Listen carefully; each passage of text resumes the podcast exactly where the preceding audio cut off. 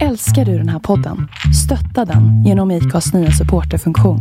Det är helt upp till dig hur mycket du vill bidra med och det finns ingen bindningstid.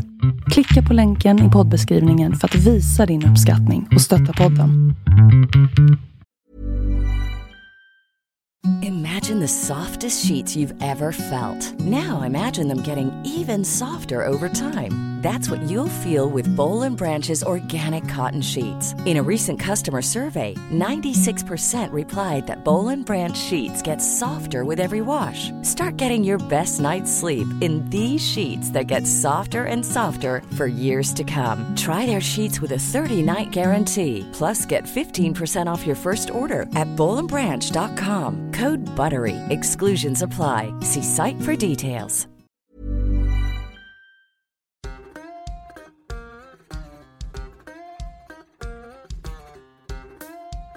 Nu trycker jag på räck här ser du.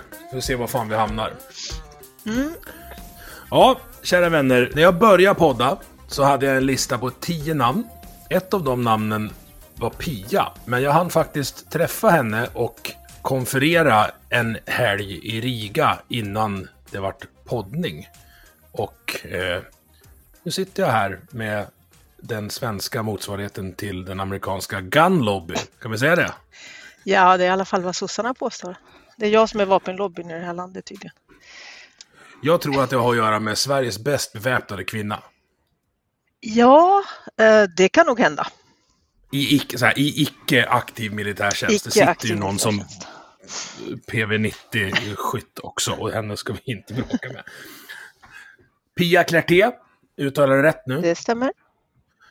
Eh, ja, vem, vem är du då och hur blev du klassificerad som vapenlobbyn av sossarna? Vi börjar från början. Får man Ja, inte fråga om ålder, men du kan ju säga när du är född i alla fall, för folk räkna själv. all- ni är alldeles för duktiga på huvudräkning.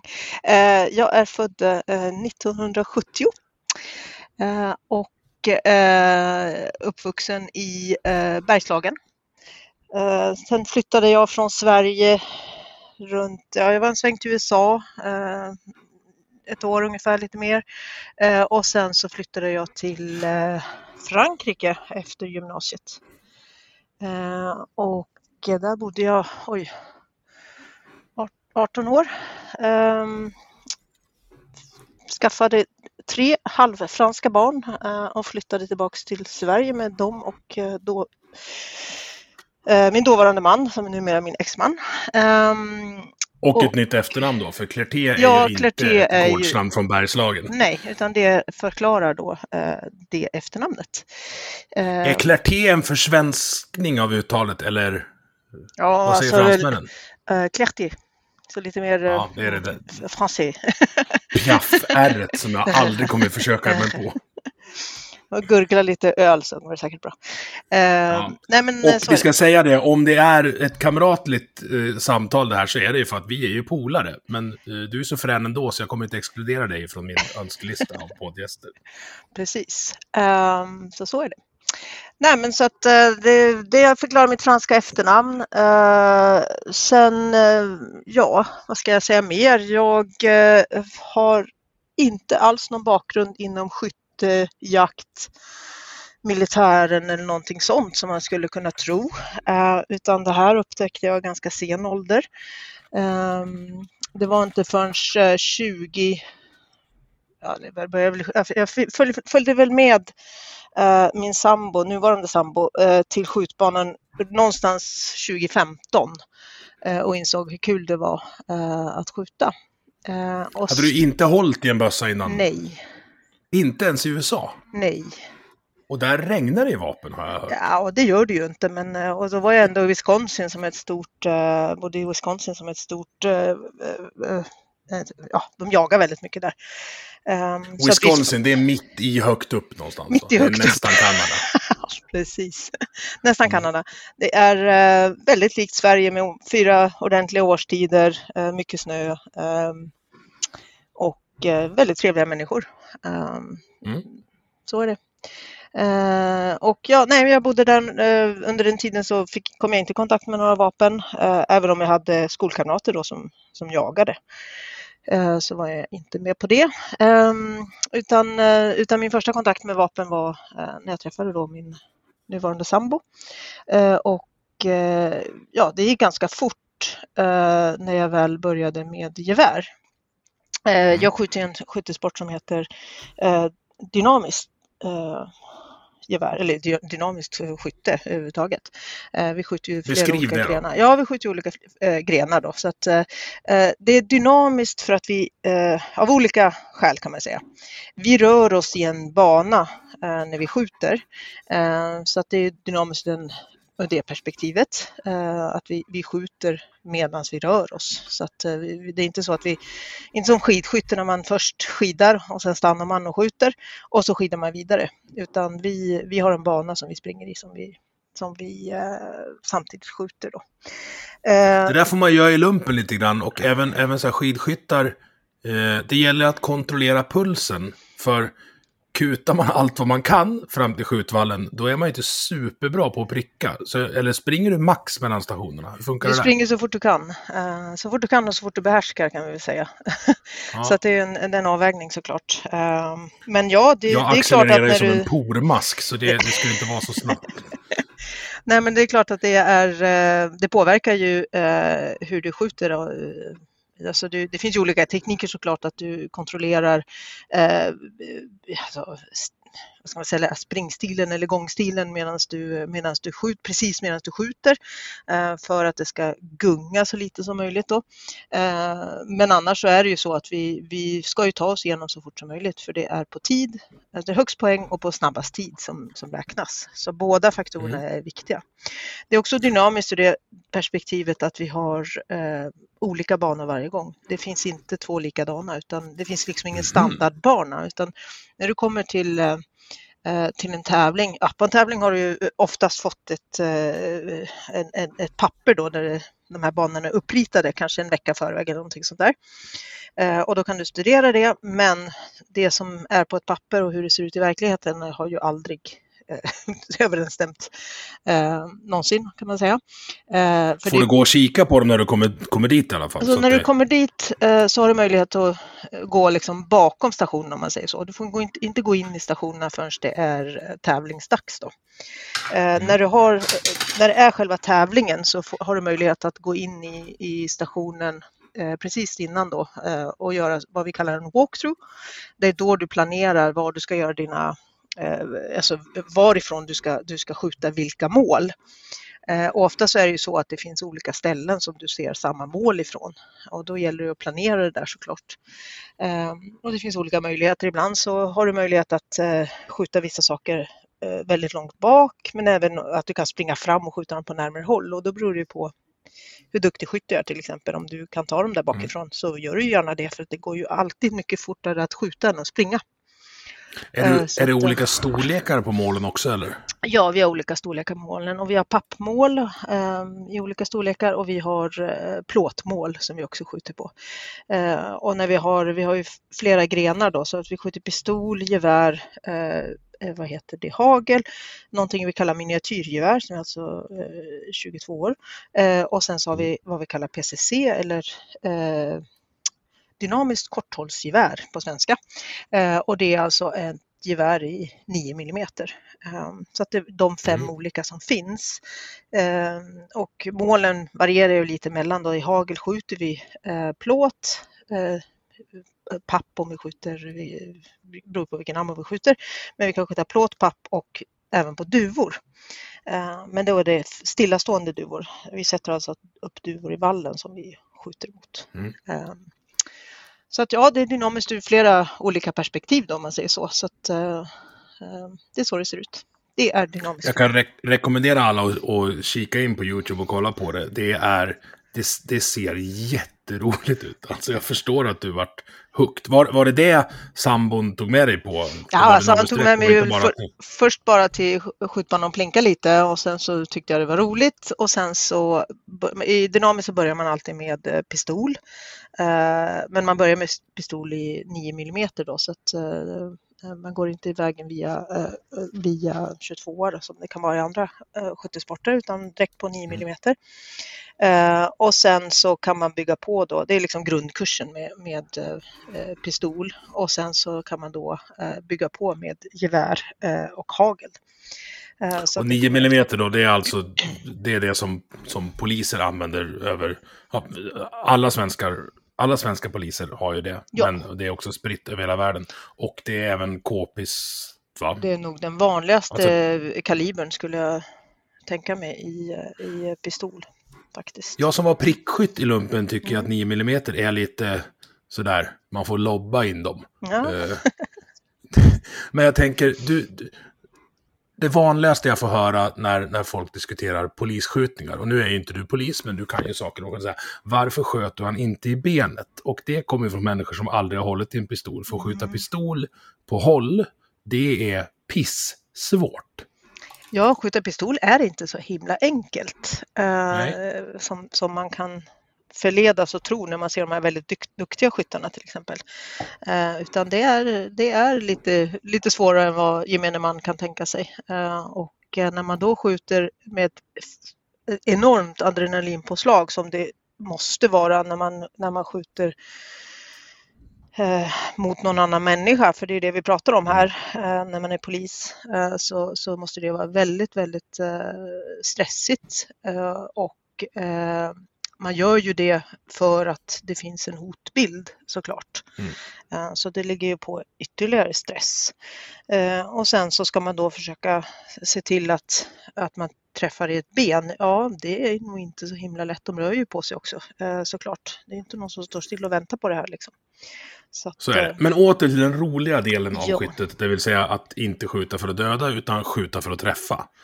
Eh, om vi går utanför det dynamiska, visst finns det, alltså det finns massa olika skyttesporter i Sverige. Du pratar om du, att ni sköt på stillastående duvor med hagel, men det, har, det är ju till och med OS-grenar. Ja, med... de som rör på sig ja. Eh, och där, ja. där får jag faktiskt lämna lite walkover för att jag är inte så bevandrad i de andra typerna av, eh, av skytte som finns. Och jag som eh. vill att du skulle hitta ett, ett, ett, någon slags långhållsskytte åt mig så jag kan få leka det jag kan. Ja, det kan, då kan du skjuta PRS. Det, det vet jag i alla fall. Mm. Så det tycker jag att du ska, du ska titta in på. Eh, Vad står det för då, PRS? Det är en jättebra fråga som jag faktiskt ja, inte kan. Då live-googlar vi här. Precision Rifle System. Nej, jag har ja, ingen aning. ja, men det var något sånt. Var det något sånt? uh, ja, jag är för dålig på att googla. Nej, men så här, jag, tyckte, jag tyckte det var jättekul när det började komma över, över halvkilometern. Mm. Då, Eh, det är liksom på gränsen till att du får börja ta in jordens rotation när du beräknar. Och det är fränt. Ja, vi, vi skjuter ju upp till, jag skulle säga vanligast i Sverige är väl kanske 300 350 meter. Eh, mm. Men jag har varit på tävling i Frankrike när vi hade mål på 500, 400, 200, 100 meter i samma station då. Ehm, så att eh, då, då var det ju lite större utmaning om man säger så. Men mm. Men det är kul. Åter till dig nu då. Du ja. vart hooked på först att bara skjuta. Sen fick du prova dynamiskt. Och någonstans i den här processen så måste du upptäcka att vänta lite nu. Jag är rätt bra på det här. Det gick ganska fort faktiskt, överraskande fort. Det var när jag eh, gick över till gevär. Um, för att jag vann eh, vi, inte alls VM nu, nu tar jag i så det, så det stänker om det. Jag vann SM eh, första året jag höll på med gevär. Eh, eller jag började väl på, på hösten och så vann jag SM till, till, eh, till sommaren efter då. Eh, och eh, det är ju faktiskt mycket roligare när man vinner. Det var ingen som hade talat ja. om för mig, men så är det. Det är himla kul att skjuta, men det är ännu roligare när man vinner någonting. Ja, men det gör ju något med när det blir tävling överhuvudtaget. Eller inte yes. alla, men vissa av inte oss. Inte alla, men mm. ja, vissa av oss är ju lite tävlingsmänniskor. Och då mm. får jag väl erkänna mig i den kategorin. Så att jag tyckte det var jättekul att vinna såklart. Um, så att jag vann SM där första, första ja, 2016 var det då. Uh, och sen så, ja men på den vägen är det då. Um, så jag har väl en, fem SM, SM-titlar. Eh, och eh, jag har vunnit ett stort antal eh, internationella tävlingar också. Då. största bedrift som jag kallar det i alla fall, det är eh, tionde plats på VM eh, i gevär. Och det är jag ganska mm. nöjd med för det är väldigt många duktiga skyttar eh, här i världen. Vi har ett gäng ifrån eh, Ryssland eh, som är extremt duktiga och vi har ett gäng ifrån USA som också är extremt duktiga. De liknar ju varandra till det, till det att de faktiskt har det här mer som ett yrke att skjuta, mm. vilket vi inte gör på svensk nivå utan alla som håller på med det här, som jag känner till i alla fall, så är det ju på hobbynivå. Man har ett jobb Och då sköta. menar du att de, de är liksom proffssportskyttar? Ja. Det är inte ja. så att det är inte, det är inte militärer som, som gör det vid sidan av? Nej, jag, jag pratar om att det är det de håller på med. Ja. Uh, I USA så är de ju oftast heltidssponsrade av uh, något märke uh, och sen helsponsrade, ska jag säga, inte heltid, helsponsrade av ett märke uh, och då får de ju betalt för att stå på skjutbanan. De har gratis ammo, de har gratis vapen och de gör det där hela dagarna. och det mm. man gör mycket av, det blir man ju såklart bra på. Så det, ja. Och sen börjar de ju mycket, mycket tidigare än vad vi gör också. Vi har ju inte riktigt samma ingång i, i skyttesporten som, som man har i de här länderna. Så att, eh. Nej, inte längre. Alltså skytte var ju jättestort ja. i Sverige eh, ett tag och eh, är på väg tillbaks. Det är på väg tillbaks. Eh, vårat förbund växer ju enormt. Eh, vi har idag, eh, ja, alla, alltså man, man behåller ju sitt eh, licensnummer och, och vi har idag nått över, vi närmar oss 11 000 så, alltså, som har tagit dynamisk licens. Mm. Och ja, alla är inte aktiva längre, men jag tror vi räknar med ungefär åtminstone 7000 aktiva medlemmar. Då, vilket, mm. är, vilket är väldigt mycket eh, för ett förbund. Så, att, eh, så ser det ut, så det växer, absolut.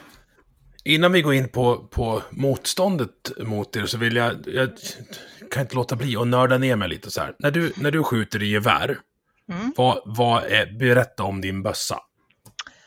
Uh, ja, jag har en, en AR-15 som jag skjuter med. Uh, det är en eh, bössa från eh, Mega Arms i botten. Eh, de, det märket finns inte kvar längre, Det köptes upp av Sevtech, ett amerikanskt företag, eh, som fortfarande gör vapen men, men inte just under Mega Arms. Då. Eh, jag har en Proof kolfiberpipa. Eh, den är ombyggd för att det ska liksom funka för mig. Allt, alla, alla saker är liksom vad ska man säga, anpassade. Mm. Eh, jag har ett Varför är det kolfiber? Är det en viktgrej eller det är en, en precisions... Det är både och. Det är en väldigt bra pipa ja. men vikten är ju mycket, mycket bättre för mig eh, jämfört med en stålpipa. Då. Eh, mm. Det blir mindre framtungt helt enkelt eh, med en kolfiberpipa. Eh, och vi, vi eh, eftersträvar, egentligen är inte totalvikten så jätteviktig utan det är balansen i bössan för eftersom vi springer med vapnet eh, och försöker då springa med en, ett gevär i handen, enhandat då, mm. för du, du springer ju liksom. Så du springer oftast inte med det liksom, i båda händerna samtidigt. Det kan du också göra men det tar ju mer tid. Så vill vi ha en bra balans i, i bössan helt enkelt. Jag har ett Elfman-trycke, det är väldigt bra trycke från USA. Jag har en eh, Swarovski eh, kikare på och en aimpoint och rödpunkt på sidan. Eh, som gör att jag kan anpassa eh, i stationer där det är väldigt kort håll och samtidigt väldigt långt håll. Eh, vilket mm. av de här jag väljer att eh, använda.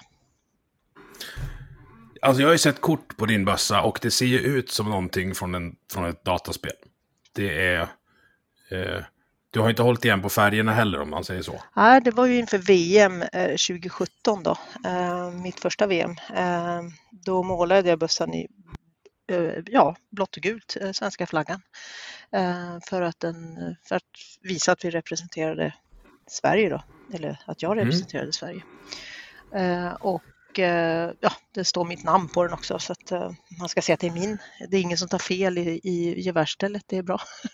Annars är det ett jo, gäng men inte bara det, alltså, med, med alla modifikationer och allt, det är liksom urborrat och det är eh, ihop så att det ser ju ut som någonting en prickskytt från skurksidan i en James Bond-film bygger ihop på ett tak i slutscenen. Ja, fast vi är inte skurkarna, vi är de good guys. Hörru. Men... Ja, det vet jag. Men, ja. nej, jag skojar. Eh, ja, nej men alltså det, eh, hopbyggt är det ju alla, alltså garanterat eftersom vi alla som håller på med det här på åtminstone en seriös nivå vill ju ha det bästa för en själv. Och vi är mm. alla olika, vi har alla olika långa armar, vi har alla, alla olika styrka i armarna också eh, och allting sånt där. Eh, och, och, och det där spelar in. Ehm, så att, så att man vill att det ska passa eh, på alla sätt och vis i, i till, till, en, till en själv, till, till sin egen kroppsbyggnad, till sin egen skjutstil, allt vad du kan tänka dig. Så att, ehm, mm. så att därför så ser du sällan två bössor som ser exakt likadana ut.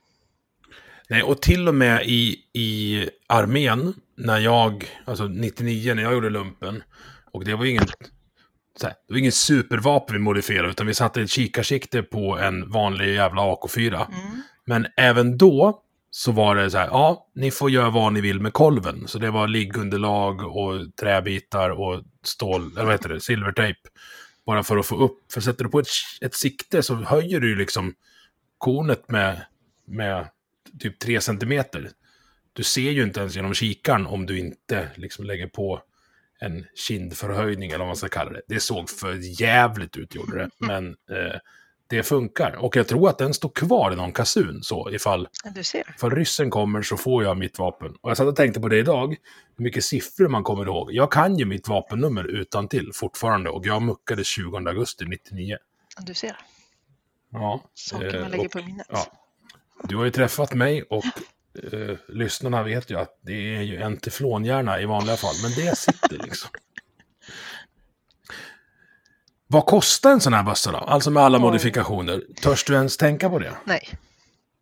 Nästa Nej, fråga. Men du får berätta, du får berätta Nej, men ändå. Så här är det ju. Eh, det här är ju... Eh, det här kan ju liksom jämföra med en Formel 1-bil.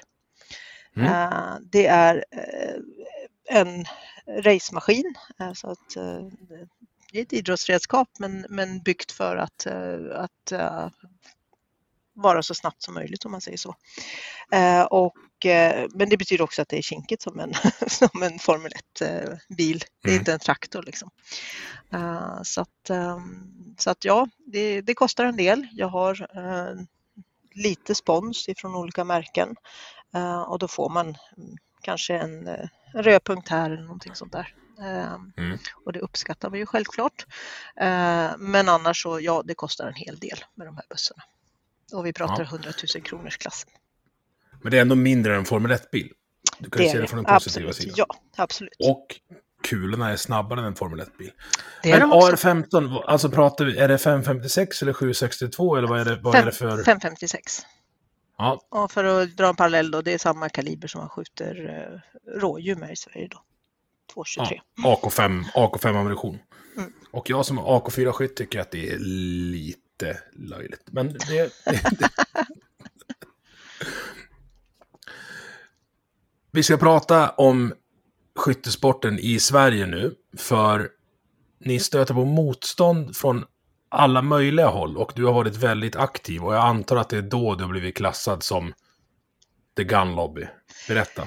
Eh, ja, alltså det här började ju samtidigt som jag började skjuta gevär. Eller jag fick ögonen på det samtidigt som vi började, jag började skjuta gevär. Eh, vi pratar alltså 2016. Eh, mm. Och det, jag, jag, vet exakt när min karriär som vapenlobbyist började. För att jag satt och läste, slöläste i soffan så att jag slöläste en sån här jakttidning.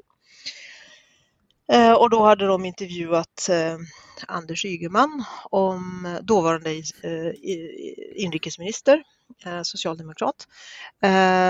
De hade intervjuat honom om vapendirektivet som de höll på att prata om i Europa, i EU. Mm. Och där så läste jag då att Ygeman bedyrade minsann att nej, nej, nej, men eh, jägarnas vapen, eh, ni behöver inte vara oroliga, vi har sett till att eh, det här kommer inte drabba jägarnas vapen. Och där sitter jag och läser det där och så tänker jag så här, jaha, det han inte säger nu, det är ju vad det kommer att drabba. Det vill säga mm. sportskyttarna. Aha, han nämnde bara jägarna. Jajamän.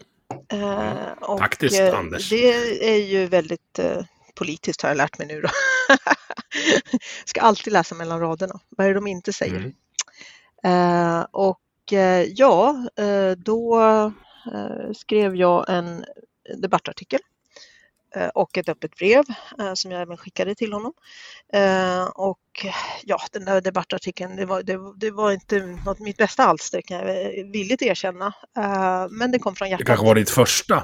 Det var absolut mitt första. Jag hade inte Ja, man varit... är sällan bäst då. Ja, eh, och eh, sen var det mer, alltså, eh, ja, vad ska man säga, det, det är väldigt passionerat om man säger så.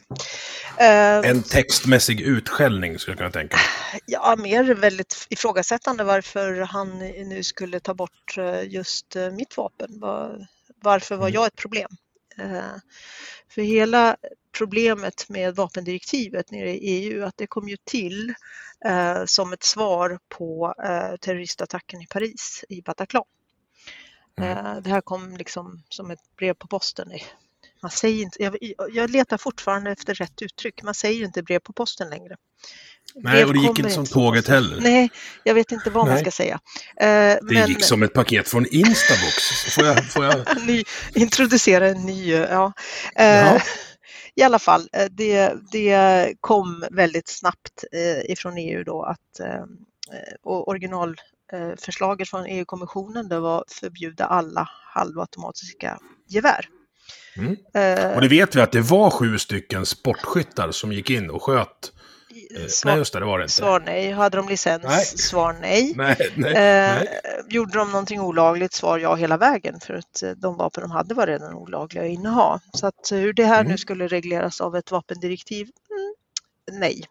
Men det var det EU hävdade eh, och eh, det kändes lite som våran dåvarande regering spelade med i den, eh, vad ska vi kalla det för, charaden. Den värsta sortens signalpolitik. Eh, vi om. Alltså det- verkligen det- så. Verkligen så. Oh. Eh, Så att eh, där sitter jag och har precis upptäckt hur himla kul det är att skjuta eh, gevär. Eh, Jag hade inte ännu vunnit mitt första SM. Eh, det här var senare samma år som jag skulle vinna mitt första SM, men jag tyckte det var fantastiskt roligt att skjuta gevär.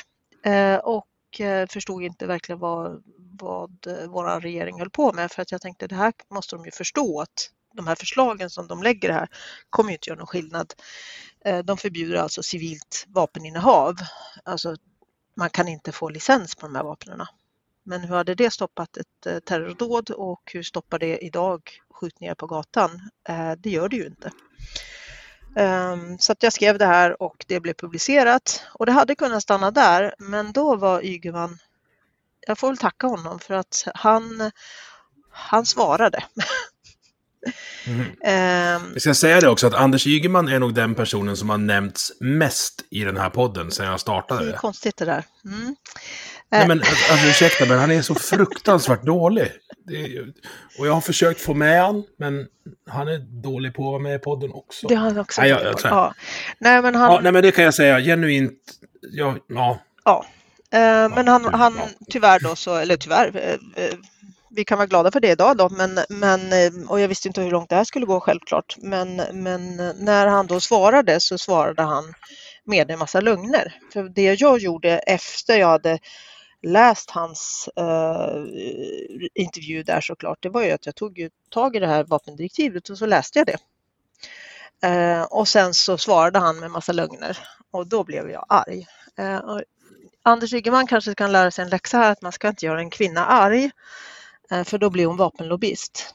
Eller något sånt. sånt. Nej, eh, skämtar såklart. Men, men jag blev arg och skrev då till ett, ett eh, svar igen som också publicerades eh, där jag påpekade att han faktiskt ljuger om det här och det är inte så stiligt av en eh, inrikesminister. Eh, och sen så satte jag mig och läste igenom allting jag kunde få tag i från, från EU-kommissionen och EU-parlamentet och allting sådant. Eh, och på den vägen är det. Eh, och det här med vapenlobby eller gunlobby, det började faktiskt redan när EU eh, både EU-kommissionen och EU-parlamentet insåg hur mycket det här engagerade människor över hela Europa. För det finns väldigt många som håller på med sportskytte och jakt eh, runt om i Europa. Och ingenstans är det de med licens som är ett problem i, i landet om man nu har problem med skjutningar eller terrorister. Eh, och, och, Eh, så så det blev väldigt, väldigt många som, som blev upprörda eh, och skrev då till eh, EU-kommissionen och EU-parlamentet i de här frågorna om just vapendirektivet. Och då fick EU-kommissionen för sig, att då, då, eller EU-parlamentet då, för sig att det här måste ju vara då en vapenlobby som håller på. Och då kan man ju såklart diskutera definitioner. En lobby eller en lobbyist för mig, det är någon som får betalt för att ha en åsikt om någonting. Och det finns sådana, mm. självklart. Det finns lobbyister och det finns säkert vapenlobbyister på en europeisk nivå också. Eh, jag skulle vilja göra en distinktion där också för att eh, du och jag har ju träffats via, via en, en skribentkurs som vi har gått på. Ja. Eh, det gör ju att vi kanske kan få betalt för att tycka saker framöver. Jag skulle säga att en lobbyist Absolut. Eh, får inte betal bara betalt för att tycka någonting, utan den tycker också det som den får mest betalt av tycker.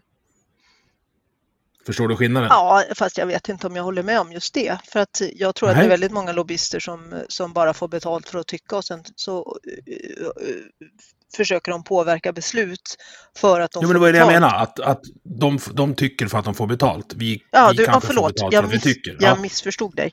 Uh, ja, absolut. Nej, men så här, du och jag kommer inte byta, byta politiskt hemvist för att vi börjar jobba på, på en, en tidning, utan vi kommer välja tidning vi jobbar åt för att den matchar hyfsat med politisk hemvist. Ja, uh, men då måste, för mig, en lobbyist är inte någon som är ledarskribent, för det är det vi pratar om här till exempel. Precis. Utan för mig, en lobbyist, det är någon som får betalt av antingen en organisation som, ja, vad kan man säga då, Skogsägarnas förbund eller jag vet inte. Av ett särintresse helt ehm, enkelt. Ett särintresse. Ehm, eller så får betalt av ett företag, alltså eh, man företräder ja. ett märke. Eh, det var vad jag försökte få fram. Ja, precis. Och det är ja. bra att vi gör en, en förtydligande där. Och då vill jag vara tydlig med att jag får inte betalt av någon som har någon slags, alltså jag får inte betalt för det jag gör. Jag gör det här mina egna medel, på eget bevåg, på eget initiativ och eh, eh, ja, det är så det funkar helt enkelt. Eh, så att någon, någon lobbyism för mig, det, det, det, det, är inte det vi håller på med här, eller jag håller på med Nej. här, utan, eh, utan det jag håller på med det är att eh, jag har starka åsikter i den här frågan eh, och jag uttrycker dem på alla sätt och vis som jag kan. Och det inbegriper att jag bjuder med politiker till skjutbanan mm. till exempel. Vilket har visat sig vara nog den, det bästa sättet att få, få dem att förstå eh, olika dumheter som, som, som annars kan florera i den här debatten.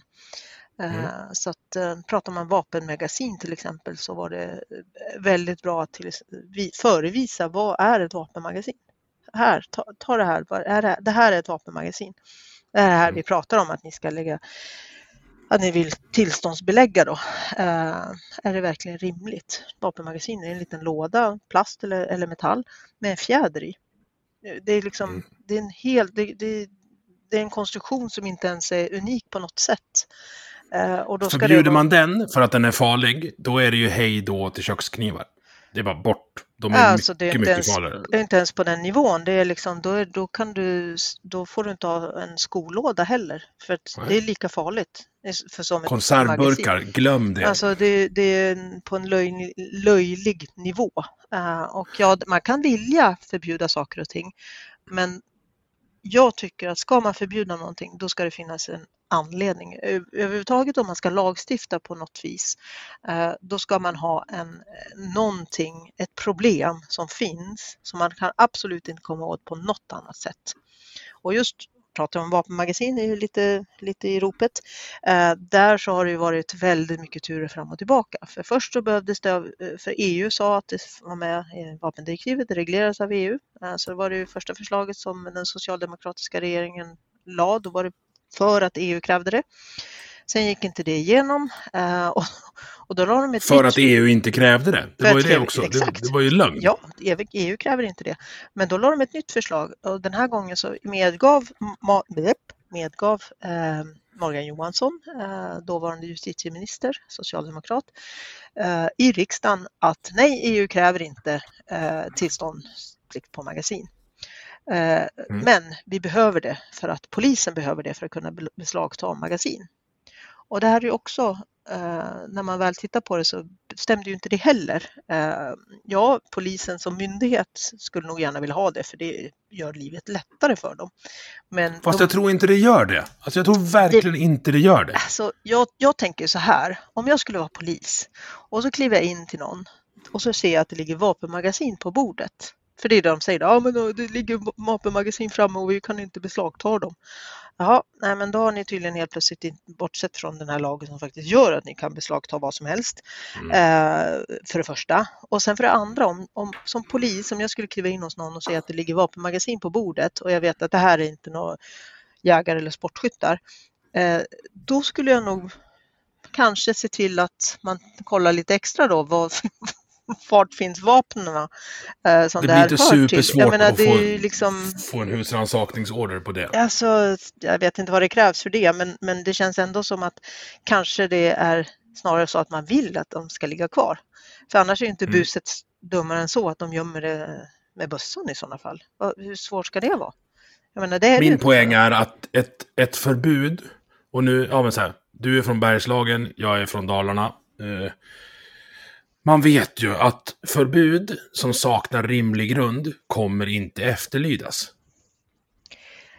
Nej, så är det ju också eh, såklart. Men eh, jag skulle ju ändå tro att de allra flesta laglydiga vapenägare är så pass rädda om sina vapenlicenser att de skulle Oh ja, åtlyda ett korkat förbud. Eh, och så att det, det enda sånt här gör, det är att redan laglydiga människor Ja, de Får följer, jobbigare. ja, de får det jobbigare. De, de följer Mm. självklart den här nya lagen som kommer. Eh, För så är det ju också med vapenägare att gör de någonting annat dumt som inte har med vapen att göra så kan de ju också bli av med sina eh, vapenlicenser. Så som grupp Mm. så är ju vapenägare, legala vapenägare är ju som grupp den mest laglydiga gruppen vi har i det här samhället. Eh, För Japp. att folk är rädda för att bli av med sina licenser. Kör du för fort, kanske inte första gången, men gör du det upprepade gånger då kan polisen stå där och säga nej men du har ju visat eh, brist på vandel här så att eh, då anser vi att du borde inte ha eh, vapenlicens. Så då återkallar vi dina vapenlicenser. Det har ingenting Vilket med också är vapnet att göra. orimligt, måste jag säga. Det, det är... Min poäng i det här med, med förbud. Eh, de satte upp stoppskyltar i en korsning hemma i Leksand. Men de fick ta bort dem för att det var ingen som stannade. och det vet jag, både hatar och älskar det där på något sätt. Eh, den här, Hej Leksand säger jag bara. nej men den här strävsamma, så har vi aldrig gjort förut. Och vem ska bestämma över oss? Mm. Ja, det är, ja, det är den jag är. Men min poäng är att om du gör det svårare för laglydiga människor att vara laglydig, till slut når du en gräns där de säger fuck it, då gör jag väl som jag vill. Då. Ja, jag I tror... synnerhet om risken att åka fast är minimal. Obefintlig. För det är det. Ja, ja, eh, Det är mina åsikter, inte Pia. Nej. Exakt, det är, bra. det är bra att vara tydlig där Emil, tack för det. Eh, nej men alltså, jag, jag tycker att man, man ska ha anledning om man vill förbjuda någonting. Man ska ha anledning om man ska vara in och peta i olika lagar och göra det svårare för laglydiga människor av olika anledningar. Eh, Mm. Och samma sak som jag tycker också att har man lagar som man vet inte eh, ger eh, den effekt som, är, som var tänkt från början, då måste man också kunna ta tillbaka sådana saker. Och då kan vi komma in på femårslicenser eller tidsbegränsade licenser. Som, som, Ja, som det heter. står också här i anteckningarna. Ryan Reynolds here from Mint Mobile. With the price of just about everything going up during inflation, we thought we'd bring our prices down. So to help us, we brought in a reverse auctioneer, which is apparently a thing. Mint Mobile unlimited premium wireless. Ready to get 30, 30, bit to get 30, bit to get 20, 20, 20, bit to get 20, 20, bit to get 15, 15, 15, 15 just 15 bucks a month. So, Give it a try at mintmobile.com slash switch. $45 upfront for three months plus taxes and fees. Promo rate for new customers for limited time. Unlimited more than 40 gigabytes per month. Slows. Full terms at mintmobile.com. Hey there, it's Michelle Norris. I'm host of a podcast called Your Mama's Kitchen. When I travel, I'm usually looking for a way to find a taste of home when I'm not at home. And one of the things I love to do when I am at home is entertain. And Airbnb allows me to do that. When I was in California recently, I rented a house that had a great kitchen. And when we were sitting around the table, we're all thinking, we're in someone else's house. Someone could be in all of our homes as well. If you have a home, but you're not always at home, you have an Airbnb. Your home might be worth more than you think. Find out how much at airbnb.com/slash host.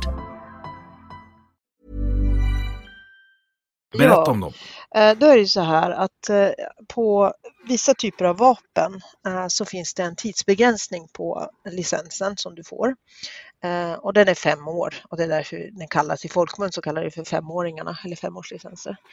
Eh, Men det är alltså samma krav för att få eh, licens som, som alla andra licenser. Det, det är liksom inte något lättare eller svårare där och det är ingen som Ja, Du kan inte förnya den Säger liksom, att vi ska- och... Nej, och det är ingen som säger att vi ska ta bort alltså själva kraven utan, utan eh, det finns krav på vandel, det finns krav på, eh, ja pratar vi pistol då som är en av, av de som berörs av det här, Eh, så, så finns det krav på skjutskicklighet, du måste ha ett föreningsintyg från, från eh, din eh, skytteförening som säger att du har uppfyllt deras krav. Och det kan vara olika krav såklart men till exempel att, du, att de vet vem du är, att du är med på deras aktiviteter, du kommer på träningar eller du kommer på städdagar eller vad de nu kan ha för någonting. Eh, Fan, där tappar de ju mig. eller hur, du kommer ju aldrig komma och Ja. städa. Nej, de... så att, eh, det är därför de har det här, förstår du. Eh, Ja, nej, men så att, så att eh, de kraven finns ju kvar. Eh, men eh, det de la till år eh, ska säga 2000, eh, det var att man skulle då behöva förnya det här var femte år. Och det som sades då, det var att det, var en ren formalitet. Eh, det skulle gå att förnya som ett dåvarande brev på posten. Eh, eller ett paket till någon box, Instabox, var det det vi sa? Mm. Eh. En foodora leverans kommer de i jag, tid? jag kommer Jag få aning. löneförhöjning. Så att ehm, eh, det var liksom det som var eh, sagt att det skulle, det skulle vara väldigt enkelt och det här skulle också utvärderas och eh, se då. Eh, och nu är vi här eh, 2022. Det finns upprepade eh, beslut utav riksdagen att det här ska tas bort. Att man ska avskaffa eh, tidsbegränsningen på de här licenserna. Eh, det handlar inte om att man avskaffar själva licensen. Det ska inte bli eh, alltså fritt att inneha utan det är bara den här tidsbegränsningen på licensen som, som de vill ta bort. Eh, och det finns det alltså en riksdagsmajoritet som tycker. Eh, och det här har legat på eh, eh, regeringens bord då, för att det är det som är gången i, i mellan riksdag och regering. Att eh, riksdagen tar beslut, eh, i det här fallet så var det justitieutskottet som kom med ett betänkande eh, Eh, och sen så beslutar hela riksdagen om ja eller nej där och då har de beslutat att ja, det här håller vi med om, vi ska ta bort det här och då gör de ett tillkännagivande till eh, regeringen. Eh, och det här har regeringen, och vi pratar då förra regeringen, har då rent ut sagt vägrat. Det är inte ens att de bara har bordlagt det, för det händer ofta när de har liksom såna här frågor som de inte egentligen vill ta i. Eh, De håller inte med riksdagen i, i, i vad de har sagt och så där. Ja, men då tillsätter man en utredning, man låter det vila ett tag och så tar man tag i det senare och så vidare. Och så vidare. Det finns sätt att dra ut på tiden. Just när det gäller tidsbegränsade licenser Eh, så har vi alltså haft eh, Morgan Johansson, eh, dåvarande justitieminister, socialdemokrat, som har stått i riksdagen och sagt att det är klart att vi inte kan ta bort de här för att då får vi en ny Breivik. Vi blev även, alltså vi sportskyttar då, för det är ju oftast fler licenser på pistoler i alla fall, på sportskytte än vad det är på jakt, även om det finns. Um, Mm. Vi blev jämförda med, med både Breivik och um, uh, Jösses, vad heter den andra eh, som sköt folk? Det är många som skjuter folk. Mangs är ordet. Ja, Ja. det är det numera. Eh, Men de här mer eh, namnen som vi, som vi lägger på minnet. Eh, Och det är lite lustigt för Breivik, han, han, han var inte i Sverige eh, utan i Norge. Nej. Så att det, Mm. hur nu svensk lagstiftning kan påverka norrman, är lite oklart faktiskt hur den, hur den kopplingen kan göras. Men, men det får stå för Morgan Johansson. Eh, Och tittar vi då på Mangs eh, så är det ju lite lustigt för han hade faktiskt en, eh, för det här eh, hände ju då efter eh, hans dåd eh, be- begick han efter eh, de tidsbegränsade licenserna infördes. Ja. Ja, se där. Så om något så är det, då, det är i sådana fall ett skäl att ta bort dem. Nej, men det funkar ju inte så självklart. Eh, Ska du komma och förstöra Morgans argumentation med Tydligen, fakta? tydligen ska jag göra det. Otrevligt. Ja, verkligen otrevligt. Men samma sak som jag gjorde med eh, EU-kommissionens argumentation om att vi behövde vapendirektivet eftersom eh, Bataclan. Det är ju samma, samma, samma grej. Och det här är ju någonting som vi får höra, vi, när jag säger vi då så är det vi legala vapenägare. Vi får klä skott för terrorister, eh, skjutningar på gatan, gängkriminella, eh, folk som smugglar in vapen, eh, skjuter varandra, skjuter andra. Allt det där, det, det är liksom svaret från politiken har varit i många, många år nu att dra åt tumskruvarna på de legala vapeninnehavarna. Det finns ingen koppling. Men det finns i bakgrunden något som har kallats för läckageteorin. Eh, Och det är en teori som Polismyndigheten har myntat. Att alla vapen som eh, används då i illegala sammanhang har ett legalt ursprung. Ja, då får Vänta man nog alla vapen som används i illegala sammanhang Jajamän. har... Ja. Eh, och de har till och med sagt att de kommer ju då från sportskyttar och, och jägare. Men då vill jag gärna liksom veta lite grann hur det här belagts. Eh, för, att, för att vi har forskning i Sverige som visar att det här stämmer ju inte. Eh, utan om man tittar då på, det gjordes en forskning eh, av eh, Björn Hagelin eh, under en tioårsperiod när han tittar på alla fall där det var en eh, eh, ja, ett grovt eh, brott då, som begicks med eh, skjutvapen. Ursprunget på det här vapnet och Mm. såg då att i ett till två fall om året så kunde man härleda det till, till ett vapen eh, som kom då från ja, en legal källa om man säger så. Mm. Eh, ett till två vapen om året. Eh, då vill jag bara påminna om att i Sverige så har vi i runda slängar 1,9 miljoner licenser.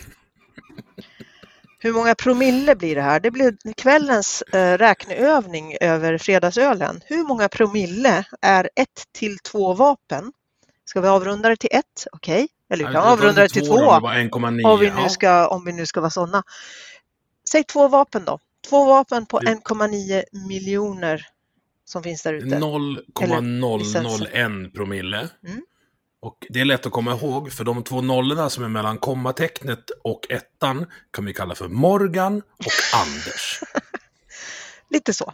Så att, så att vi försöker alltså stävja ett problem som inte finns. Och det är tur, för alltså, det- ni hör ju ni som lyssnar att jag är ju inte opartisk. Det är inte SVT det här. eh, jag har, alltså, så här, och jag har ju heller inga vapen. Jag äger inga vapen, jag jagar ju inte ens, även fast det ser ut som att jag jagar snusar och kan laga bilar. Men däremot är jag ju tramsfobisk. Och jag, det här är ju trams. Det är Det lögner, trams. och det är inte bara lögner, utan det är lögner som försämrar tillvaron för laglydiga medborgare och av folk som tjänar vad? 2,5-3 millar per år av våra skattepengar. Det ska vara lite högre krav på dem än så här. Ja. Och då är vi tillbaks till... Jag ska kolla på vad klockan är, för när vi börjar prata Ygeman och Morgan så kan jag, jag ska kolla så att Therese har lagt ungarna, för det kan hända att jag börjar skrika snart. Däremot, så det senaste konstaterade legalt stulna läckagevapnet som har använts vid brott, kommer du ihåg var det kommer ifrån? Pratar vi möjligtvis eh, regeringskansliet? Jajamän. Hur många var det som Där. försvann? Tre Glock, va? Nej, det var fler än så va? Det var vid tre tillfällen. Ja, okej. Men jag tror att det för- försvann eh, nio eller tio va, totalt. Eller? Har jag fel? Och ett, ja, ett av dem är i alla fall konstaterat att det har använts eh, inte bara vid brott, utan det har även figurerat i en musikvideo. Det är lysande. Eh, det här med att städa framför egen dörr och så vidare. Och så vidare. Och så vidare. Vad sa du? Bakgrund? Tell me. Nej, det, alltså det är ju eh, så att på regeringskansliet så jobbar det ju självklart eh, folk som, som eh, har till uppgift att skydda regeringskansliet. Eh, Mm. Och då fanns det då ett skåp någonstans. Jag har inte insyn i alla detaljer som ni hör, men någonstans där inne så fanns det ett skåp i ett rum där de här vapnen fanns. Och vid upprepade tillfällen visade det sig, för det här var inte bara en gång, men vid upprepade tillfällen så stals det alltså vapen därifrån. Eh, ja, det är det jag har Och att det här är säga inte polisen, utan det här är, är eh, beväpnade skyddsvakter, va? Ja. Inte militära, utan... Nej, utan från ett Ja. privat företag. Jag tänker Mm. inte säga några namn här, men, men eh, det finns i alla fall eh, säkert massor att läsa om det eh, i, olika, eh, i olika tidningar. Jag tror Dagens Juridik gjorde en bra genomgång av det där, så det kan man med fördel googla fram och läsa om man är intresserad av det. Men det, Poängen i det hela är att de, de försöker plocka lågt hängande frukt, visa att de gör något. Bara, nu har vi fått in så här mycket vapen. Ja, okej. Var det farliga vapen? Var det någonting som eventuellt skulle kunna hamna i, ett, i, ett, i en rånsituation eller ett, ett gängskjutning? Nej, det var det inte. Så, nej, varför har ni fått in dem då? Ja, alltså grejen är så här. Jag, det är ingen som påstår att, att man inte skulle kunna använda jägarnas eller sportskyttarnas vapen. Men idag i Sverige har vi väldigt höga förvaringskrav. Eh, Mm. Allt måste vara inlåst. Vi har krav när vi, när vi transporterar vapen och så vidare och så vidare. Eh, Däremot vad vi inte har, det är en fungerande tullverksamhet. Och Mm. ingen skugga på tullen, utan det här har ju medvetet eh, monterats ner eh, eftersom vi inte ska ha några inre eh, gränser inna, inom EU. Eh, så det finns inte idag eh, en verksamhet som faktiskt eh, jag tror att det, det, ja, de tar några vapen eh, varje år. Jag tror det är typ 200 kanske eller någonting sånt där om, om jag minns rätt ur, ur minnet här eh, som, som tullen beslagtar. Eh, men i och med att det är så få kontroller så kan man ju bara tänka sig hur många som faktiskt Mm. tas med in över gränsen.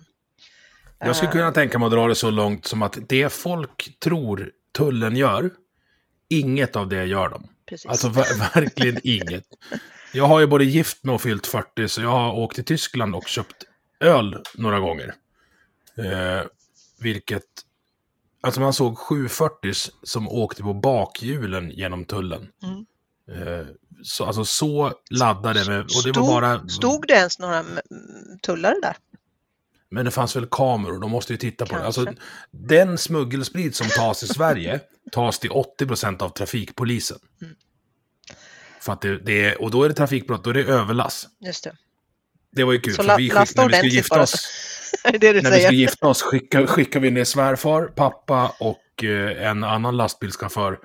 Och så vart de ju stoppade och vägda då. Men det var ju lugnt, för den King Cabin med dubbelmontage och boogie-släpet.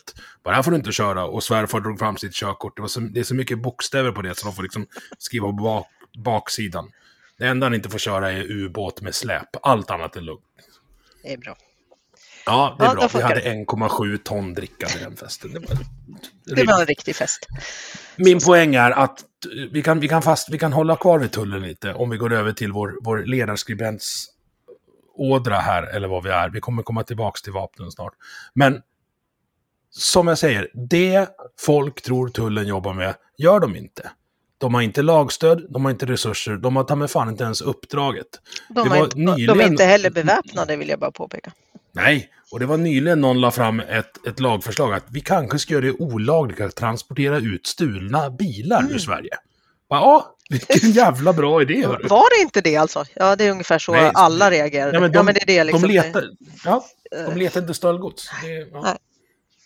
Nej, nej Ja. så är det. Så att, så att det är inte det är inte vapen. Även om, ja, jag menar eh, sportskyttar äger en Glock och det är samma vapen som kriminella kanske vill ha och så vidare. Men eh, det ska ju ganska mycket till eh, för att de ska kunna få tag i det. De går ju inte bara hem till folk och, och plockar det.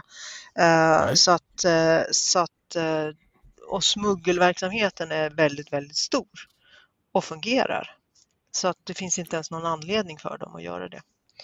Så att, Vad jag eh, förstår så är majoriteten av vapen som används i gängmiljö i Sverige är eh, öv, vad ska jag säga, överblivet material från Balkankrigen. Ja.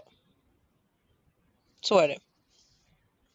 Och de reglerar man ju inte genom att du måste köpa ett tyngre skåp eller något så. Nej, och då reglerar det inte genom att, eh, att, att mina magasin ska det vara eh, tillståndsplikt på till exempel. Vad hjälper det? Ja, Mm. jag, i sådana fall så måste jag eh, åtgärda det såklart. Jag måste se till då att eh, uppleva, eh, eh, förlåt, leva upp till kraven. Men, men det kommer ju inte att påverka, jag menar, och det här blir ju alltid lika absurt. För en gängkriminell, han drar sig inte för att skjuta en annan människa och döda en annan människa. Han har garanterat inte licens på vapnet. Han har garanterat inte någon, någon tanke på att han skulle behöva licens på, eh, på magasinet. Så att, och han kan ändå fortfarande skjuta folk. Så att ja, eh, medans, medans alla de här lagarna, alla de här kraven som ställs på, på eh, legala vapenägare, ja vi försöker, vi, vi, vi hoppar igenom den där ännu en ring och hoppa igenom. Det gör vi. För att vi är laglydiga människor. Men snart Mm. kanske det kommer till en gräns där också för att folk börjar prata om att det är, nu får det vara nog, liksom. nu får ni skärpa er. Eh, Jag tror att det kom en helt ny medvetenhet och eh, jag tänker ta på mig lite av den, den äran. Eh, för att jag försöker upplysa folk om vad det är politikerna faktiskt håller på med. Eh, och att det är inte vad ska man kalla politiska beslut som faktiskt gör en skillnad där de säger att det kommer att göra en skillnad. Utan man det är måste, signalpolitik. det är signalpolitik. Det är att kunna stå i riksdagen och säga eh, som sossarna, om du, om du tittar på vilken riksdagsdebatt eh, debatt som helst om, om vapenfrågor de senaste åren, då har du fått höra allt bra som sossarna tycker de har gjort. Eh, och, och, istället för att erkänna att ja, men det, här, men det här är ju liksom ingen skillnad. Det, det, det gör ingen skillnad för, för gängkriminella. De är redo att döda varandra, de är redo att döda andra människor de blinkar inte ens. Eh, de, de, de, de skjuter ju när det är barn ute på lekplatser och de bryr sig inte. Varför skulle de bry sig om några sketna små vapenlagar? Det gör de inte. Mm. Så att eh, jag tror att eh, de är helt fel ute, de politiker som, som eh, fortsätter i den här, i den här fåran. Det, så är det. Och där skulle vi behöva eh, lite mer sunt förnuft. Eh, så att jag har stora förhoppningar på den nya regeringen. Vi får se om den kan leva upp till det. Eh, och det, jag vet, det är enkelt att stå i opposition och säga saker. Det är Mm. kanske inte så himla enkelt när man sitter där själv och ska ta besluten. Men det finns också en väldigt stor risk för en enorm svekdebatt eh, Ehm, om det här inte faktiskt levereras på. Det finns, jag tror det är, jag har inte räknat sista tiden, men runda slängar 30 tillkännagivanden från, från eh, riksdagen om olika vapenfrågor eh, att ta tag i och göra det lättare för jägare och sportskyttar, samlare, handlare, eh, de som är laglydiga människor som, som bara vill hålla på med, för många är det en hobby, för andra är det en livsstil. Eh, de lever för det här, det, är det de gör. Eh, De har ett jobb att gå till men de tänker på jakten eller de tänker på när de får åka ut eh, ner i Europa och skjuta olika tävlingar eller vad de håller på med. Att, Man måste ju eh, uppmuntra bra beteende och slå ner på dåligt beteende. Inte tvärtom, Ja. för då blir det en motreaktion. Ja. Och det är, det är därför vi har, har träffat på varandra, för att vi har ju lite samma incitament, även om jag inte har vapendelen som, som liksom startade mitt politiska engagemang och att jag började skriva och tycka saker. Utan det var ju mer landsbygdspolitiken, eller brist på mm. eh, densamma.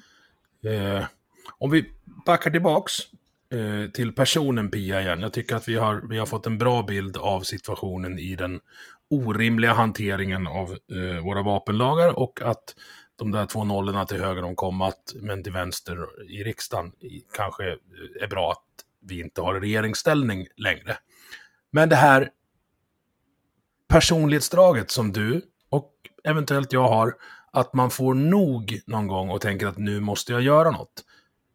Är det någonting du har haft hela livet eller har det kommit... Berätta, var, var kommer det ifrån? Alltså, jag, jag, tror att mina föräldrar nog skulle ha beskrivit mig som en envis unge, ja. Eh, jag var nog, inte, var, nog inte någon som bara rättade mig i ledet eh, så, utan eh, gick min egen väg eh, och jag gör det fortfarande.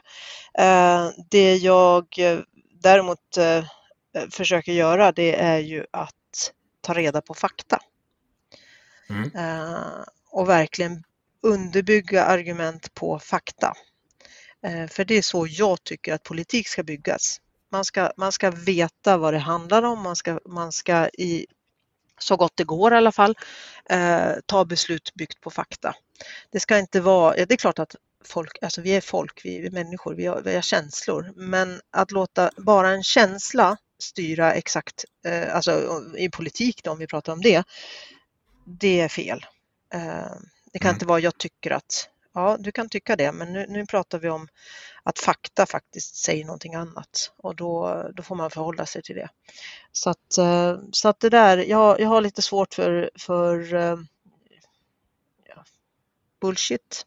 Jag har svårt mm. för den här plakatpolitiken som vi ofta ser. Eh, jag skulle nog inte kunna bli politiker skulle jag tro för att jag har lite svårt att, att och, och göra de här kompromisserna som vi ser i politik hela tiden. För det är också någonting jag har mm. förstått genom att stå vid sidan av och, och, och, och titta på det här utifrån. Det är ju att ibland så blir det väldigt konstiga beslut. Uh, och då är det oftast för att det ligger någonting annat bakom som vi inte får se. Det har tagits ett beslut politiskt som är en slags kompromiss. Om du röstar så här på min grej så röstar jag så där på din grej och så vidare och så vidare. Och det gäller såväl i EU-parlamentet som, som hemma lokalt. Och det är inte fel, men det är bara det, att du har inte stöpt i den formen. Men, men jag tycker att har man sagt något, har man lovat någonting, då står man för det man lovar. Har mm. man, har man väldigt starka åsikter om just förbud pratar vi om, för det, för det är väldigt mycket förbud. Just i vapenlagstiftning så är det förbud av det ena och det andra och det tredje. Och ska man förbjuda någonting, och det finns fog att förbjuda vissa saker eh, eller vissa mm. områden eller vad det nu kan vara för någonting, absolut. Men det ska, det ska bygga på fakta. Och då kan vi ta ja, men EU och, och blyförbud till exempel. Vad var det för något? Utveckla. Ja, utveckla. Två steg. Alltså jaktammunition pratar vi då? Nej, eh, vi pratar Nej. först eh, hagel. Det har redan det beslutet har tagits. Eh, det kommer att vara aktivt från februari 2023 eh, och det innebär att du inte får använda, eh, förlåt, det handlar om att det är förbjudet med blyghagelammunition inom våtmark. Jättebra beslut egentligen om man, om man inte tittar på detaljerna för att anledningen till det här det är att andfåglar behöver äta grus för att processa maten. Matsmältningen. Jajamensan. Ja. Eh, och när de då äter eh, grus i de här våtmarkerna, eh, grunt vatten och så vidare, så får de med sig då de här blyhaglarna tillsammans med gruset. För blyhagel är ju väldigt små kulor då. Mm. Det finns ju många, styck, många sådana i en, en hagelpatron. Och då, ja, okej, okay, bra. Men då är ju tagit ett nytt beslut som betyder att våtmark det är allting som är typ blött, har varit, kan vara, anlagt eh, eller naturellt. Och då pratar vi om en vattenpöl, vi pratar om en pool, vi pratar om ett dike, vi pratar om precis allting som kan vara blött. Inom 100 meter runt det här blöta området eh, får du alltså inte bära med dig, inte, inte, inte, de förbjuder inte användningen, det gör de också, men du får inte ens bära med dig en nagelpatron. Och så har de För att det är en vattenpöl där. Ja. Ja, alltså du, du, jag menar, jag har inte använt den. Nej, men du får inte ha den heller i, hand, alltså i fickan. Eh, Mm. Och de eh, vänder på bevisbördan.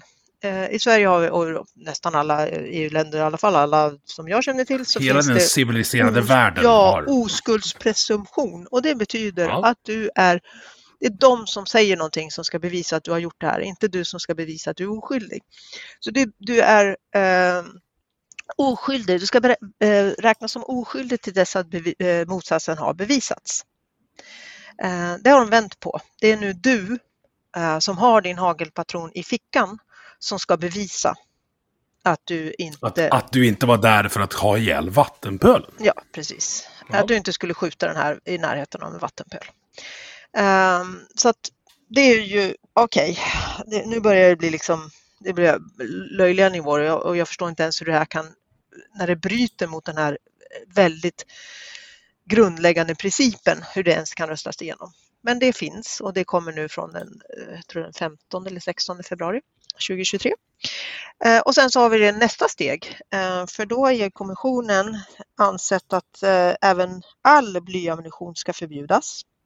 Och så har de gett ett uppdrag till ECHA som är EUs kemikalie Eh, inspektion eller jag på att säga, men jag vet inte om de heter så. Ehm, I alla fall eh, agency. eh, Att liksom komma med förslag då hur man ska kunna förbjuda det här. Och då har de gjort en hel del, eh, vad ska man kalla det för, eh, hypoteser. Eh, om, och det är sådana saker De som har försökt tänka själv. en miljon barn om året blir bly, alltså, eh, får konse- av konsekvenserna från blyförgiftning så får de nedsatt IQ och så vidare. och så vidare. En miljon barn om året I Sverige? Nej. Nej. i Europa. Nej. Men det är ju Ja. fortfarande, va? Ursäkta? Alltså, många. kan ni, kan, kan ni liksom belägga det här lite grann? Eh, och, och, alltså, det är massa med siffror hit och dit och det är, eh, jag vet inte hur många fåglar de var inne på som dog av det här och allting sånt där. Men jag har ju redan förbjudit då blyhagel över våtmark, men ändå räknar vi in de fåglarna också då för formens skull. Eh, och sen så, ja, det, det är orimligt. Och jag vill bara påpeka att ja, bly ska du inte äta. Bly, eh, damm eller blyångor ska du inte andas in. Det är inte bra för dig. Absolut, jag håller med om det. Men samtidigt så har vi hur mycket blykabel från gamla telefonkablar som ligger nedgrävda i marken. Om det här nu är ett sådant stort problem att vi måste förbjuda att jag som sportskytt skjuter bly in i en skjutvall. Då måste ni faktiskt gå och plocka upp alla kablarna. Jag- Det, det, ni kan inte ha eh, liksom det ena utan det andra. Och om vi tittar ner i Europa eh, så har vi haft lite världskrig. Är det någon som har plockat upp det? Nej, Nej. det är ingen som har plockat upp det. Börja där. Där kan ni börja Mm. om ni vill att ni, vi sportskyttar och jägare inte får använda blyammunition längre. Sen har det en massa andra konsekvenser också såklart. Att, jag menar för sportskytte, det, det, fin, alltså det, det kan finnas alternativ, men är de lika bra? Och sen vill jag fr- fråga så här, är det någon som har kollat hur farligt är koppar till exempel? Mm. Vet vi det? Hur många skadskjutna älgar kommer vi få om vi inte har mjukspets i 308 vad händer med skidskyttet om de inte får eh, skjuta? För 22 LR har du inte något annat än, än, eh, än bly. Det finns inga alternativ. Lägg ner skidskyttet. Åh, Nej, det ska vi inte göra. För att det här är, Nej, nej, nej. Det här är bara, som vi var inne på, vad kallar du det för? Blyometer? Nej, det var inte det. Men den värsta sortens signal... Trama, trams. signal- Alltså det, Tramsfobisk. Ja, Det- ja, men alltså- Jag tror att du kanske blir den andra människan på svenska Twitter att lägga till det i din profil. Ja, det, nej, men alltså det är det är ju det som är grejen. Jag menar, jag kom gärna med riktiga argument, men då får ni belägga dem först. Och sen Mm. så måste ni bemöta när ni får mothugg. För det gör de inte. Det, det, när vi säger då liksom så här, men okej, men allt annat blir då? Ja, men Mm. vi måste ju fortfarande göra det här. Det har ni inte bevisat för mig faktiskt. Jag är inte övertygad om det här för att jag ser ju att ni inte tycker att det andra är ett problem. Hur kan ni då samtidigt tycka att vi är problemet. Och jag menar förslaget som har lagts fram för, för att vi ska kunna fortsätta skjuta på en skjutbana, eh, in, alltså in i en, en vi har ju massa krav i Sverige för, för skjutbanor och så vidare med allt möjligt, men eh, det är alltså att de vill att vi ska ha eh, och nu, nu det här förslag, det är inte det här som jag har lagts fram för omröstning för det har vi inte sett än, men det här är vad diskussionen har lett till eh, vid det här laget när vi pratar nu i början av december 2022, jag vill vara tydlig med det, eh, det är att det ska finnas en betongplatta eh, under varje vall. Så du får gräva bort vallen, lägga betong först då. sen får du lägga tillbaks vallen och glöm inte att i vallen då ska det finnas dränering eh, som samlar upp allt vatten. Det här vattnet måste eh, behandlas och det får inte liksom bara släppas ut igen utan det måste behandlas och, och återvinnas på ett säkert sätt. Eh, och sen så måste du ha tak över skjutvallen. Finns det någon, finns det någon sån skjutvall i Sverige? Någon skjutbana som ser Nej. ut så i Sverige? Jag har då inte mm. kunskap om någon. Jo, en inomhusvall såklart, men det är ju inte det de vill komma åt. Så att, eh, ja, och då, fin då, finns det väl ingen dränering, men det kommer inget vatten heller eftersom det är inomhus. Men, eh, men eh, alltså, vi kan inte lägga tak över alla våra skjutbanor. Man bör ju kolla så här. Eh, vad är det för problem? Är det ett stort problem? Vad finns det för möjliga åtgärder? Kommer åtgärden orsaka mer problem än problemet vi försöker åtgärda? Då ska man ju göra någon annan åtgärd, om man ens ska göra någon åtgärd. Ja, exakt. Men, eh, Men det är för att du är en rimlig människa. Ja, vi är rimliga människor. Det. och jag det är första dina... gången någon kallar mig det. alltså, eh, okej, okay. i vissa fall är du rimlig, Emil. Ja, ja. Det är nästan man lägger till en brasklapp här som inte blir liksom citerad rakt av. Nej, Pia sa att jag var rimlig. Eh, mm, uh, det åker in på LinkedIn direkt. direkt. Direkt citat. Uh, nej, men så, så är det. Det, det. det är det det handlar om. att det ska vara rimligt, det ska finnas en riktig anledning och det ska som du säger, man måste också titta på konsekvenserna och konsekvensanalyser är ju oftast någonting som just EU struntar i och eh, de struntar också i sin egen princip som är subsidiaritet Oops, jag kunde inte säga det där utan att snubbla. Subsidiaritetsprincipen. Subsidiaritetsprincipen. Min favoritprincip. Ja. Vilket betyder då eh, närhetsprincipen kan man också kalla den för. Det betyder mm. att man ska ta beslut, beslut, politiska beslut ska fattas så nära medborgaren som möjligt. Mm. I klartext, saker som angår Sverige bara ska, där ska besluten tas i Sverige. Mm. Jag anser att sportskytte, jakt, alla de frågorna, det är en nationell angelägenhet. Det är inte en EU-angelägenhet. Eh, om de kommer upp med förslag som faktiskt kan göra någon skillnad mot terrorism, då får de gärna göra det.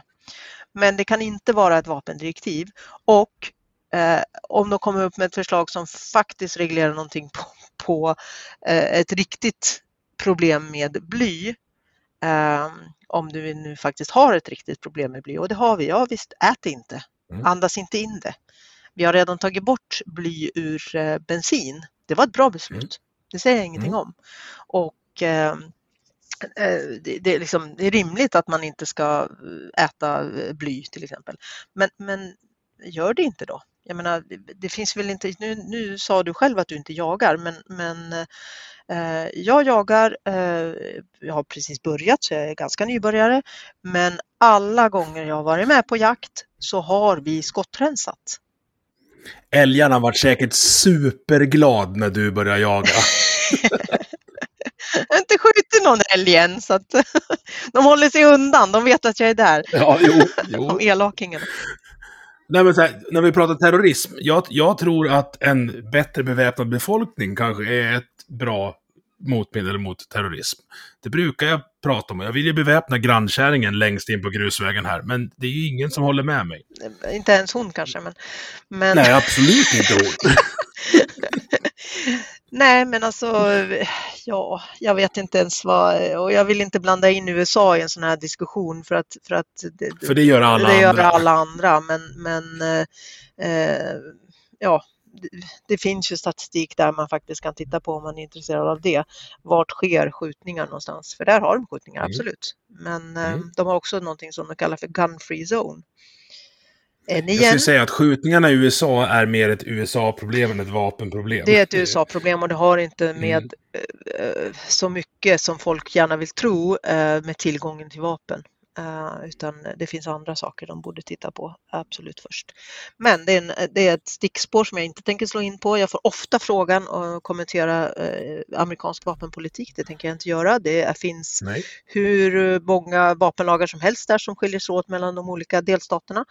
Eh, Mm. Så att det finns inte ens någonting jag kan liksom dra rakt av för det, det, det är så stor skillnad mellan, mellan de Det är en olika lite delstaterna. mer att- komplex bild än att avfärdas med vill du ha det som i USA? är det?" Vilket Ja. man också får höra om man säger att sådär, nej men jag tror att ett försäkringsbaserat sjukvårdssystem skulle vara effektivare. Så, Åh, vi vill att fattiga människor ska dö. Bara, nej, precis tvärtom, jävla idiot. Men jag orkar inte förklara. Ja, men det är så här, jag, jag, åh, jag tycker om choklad. Åh, gillar, gillar, du inte, gillar du inte vanilj va? Nej men alltså, det Nej. var inte det jag sa. Hallå? Exakt så. Så att, eh, ja, ja, ja. Nu är det fredag och eh, fredag. jag har faktiskt druckit en pilsner medan vi har oh, eh, Emil. pratat här. sitter jag med torr hals, vad är det frågan om? Ja, skandal. Men du? Yes? Jag var in på, jag Facebook-stalkade dig medan du höll på här. det kan du göra. För vi pratade om din AR-15, men sen har du en till bössa som jag vill ha. Bara en? MDTH-HNT26. Vad är det för jävla vapen, Pia? Eh, va? Vilken bild har du sett? Vilken bild har du på Twitter idag, den med dämparen som ligger i ah, skogen. Eh, ja, ah, det, ah, det är min uh, jaktbössa. Stackars jävla älgar. Jag förstår inte vad... Ska, de, ska det vara synd om dem på något vis? Jag tänker äta upp älgarna. Mm. Fick jag inte det? Det är rätt. Gå in så här. Eh, Vi ska avsluta med, först tack för att du är, är, finns och är fantastisk naturligtvis. Men du har också startat en egen julkalender. Ja. Berätta. Ja, men det gör jag sedan några år tillbaka. Eh, Eftersom det händer så mycket i de här frågorna, eh, vapenfrågor pratar jag nu, så brukar jag faktiskt ha en, en julkalender. Och då tar jag vi har ju så många ämnen så det, det, det täcker faktiskt 24 luckor.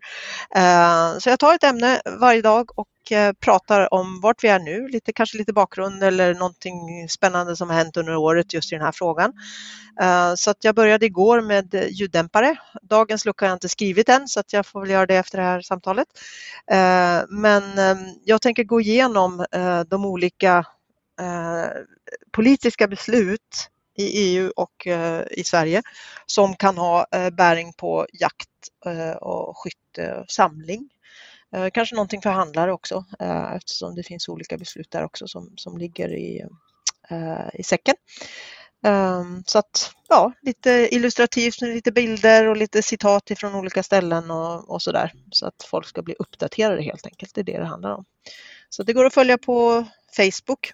Pia Clarté Sportshooter heter jag där, så tjusigt värre.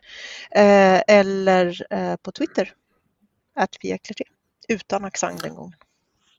Och vi länkar det här till, eh, eller vi länkar till det här i avsnittsbeskrivningen. Nu ska jag steka hamburgare. Mumsigt. Det innebär inte att jag tycker att andra kött är dåliga och att veganer ska dö. Det är bara för tydliga. Du, tack så mycket Pia. Det är jag som tackar Emil. Ha det. Ha det bra. Hej! Du har lyssnat på Vi måste prata som produceras av mig, Emil Nilsson. Tycker du om det du hörde? Dela avsnittet med dina vänner och på sociala medier. Vill du stötta podden kan du göra det via Patreon där du hittar den på patreon.com snedstreck vi måste prata i ett ord. Eller så swishar du en slant till nummer 123 671 46 79. Vi hörs!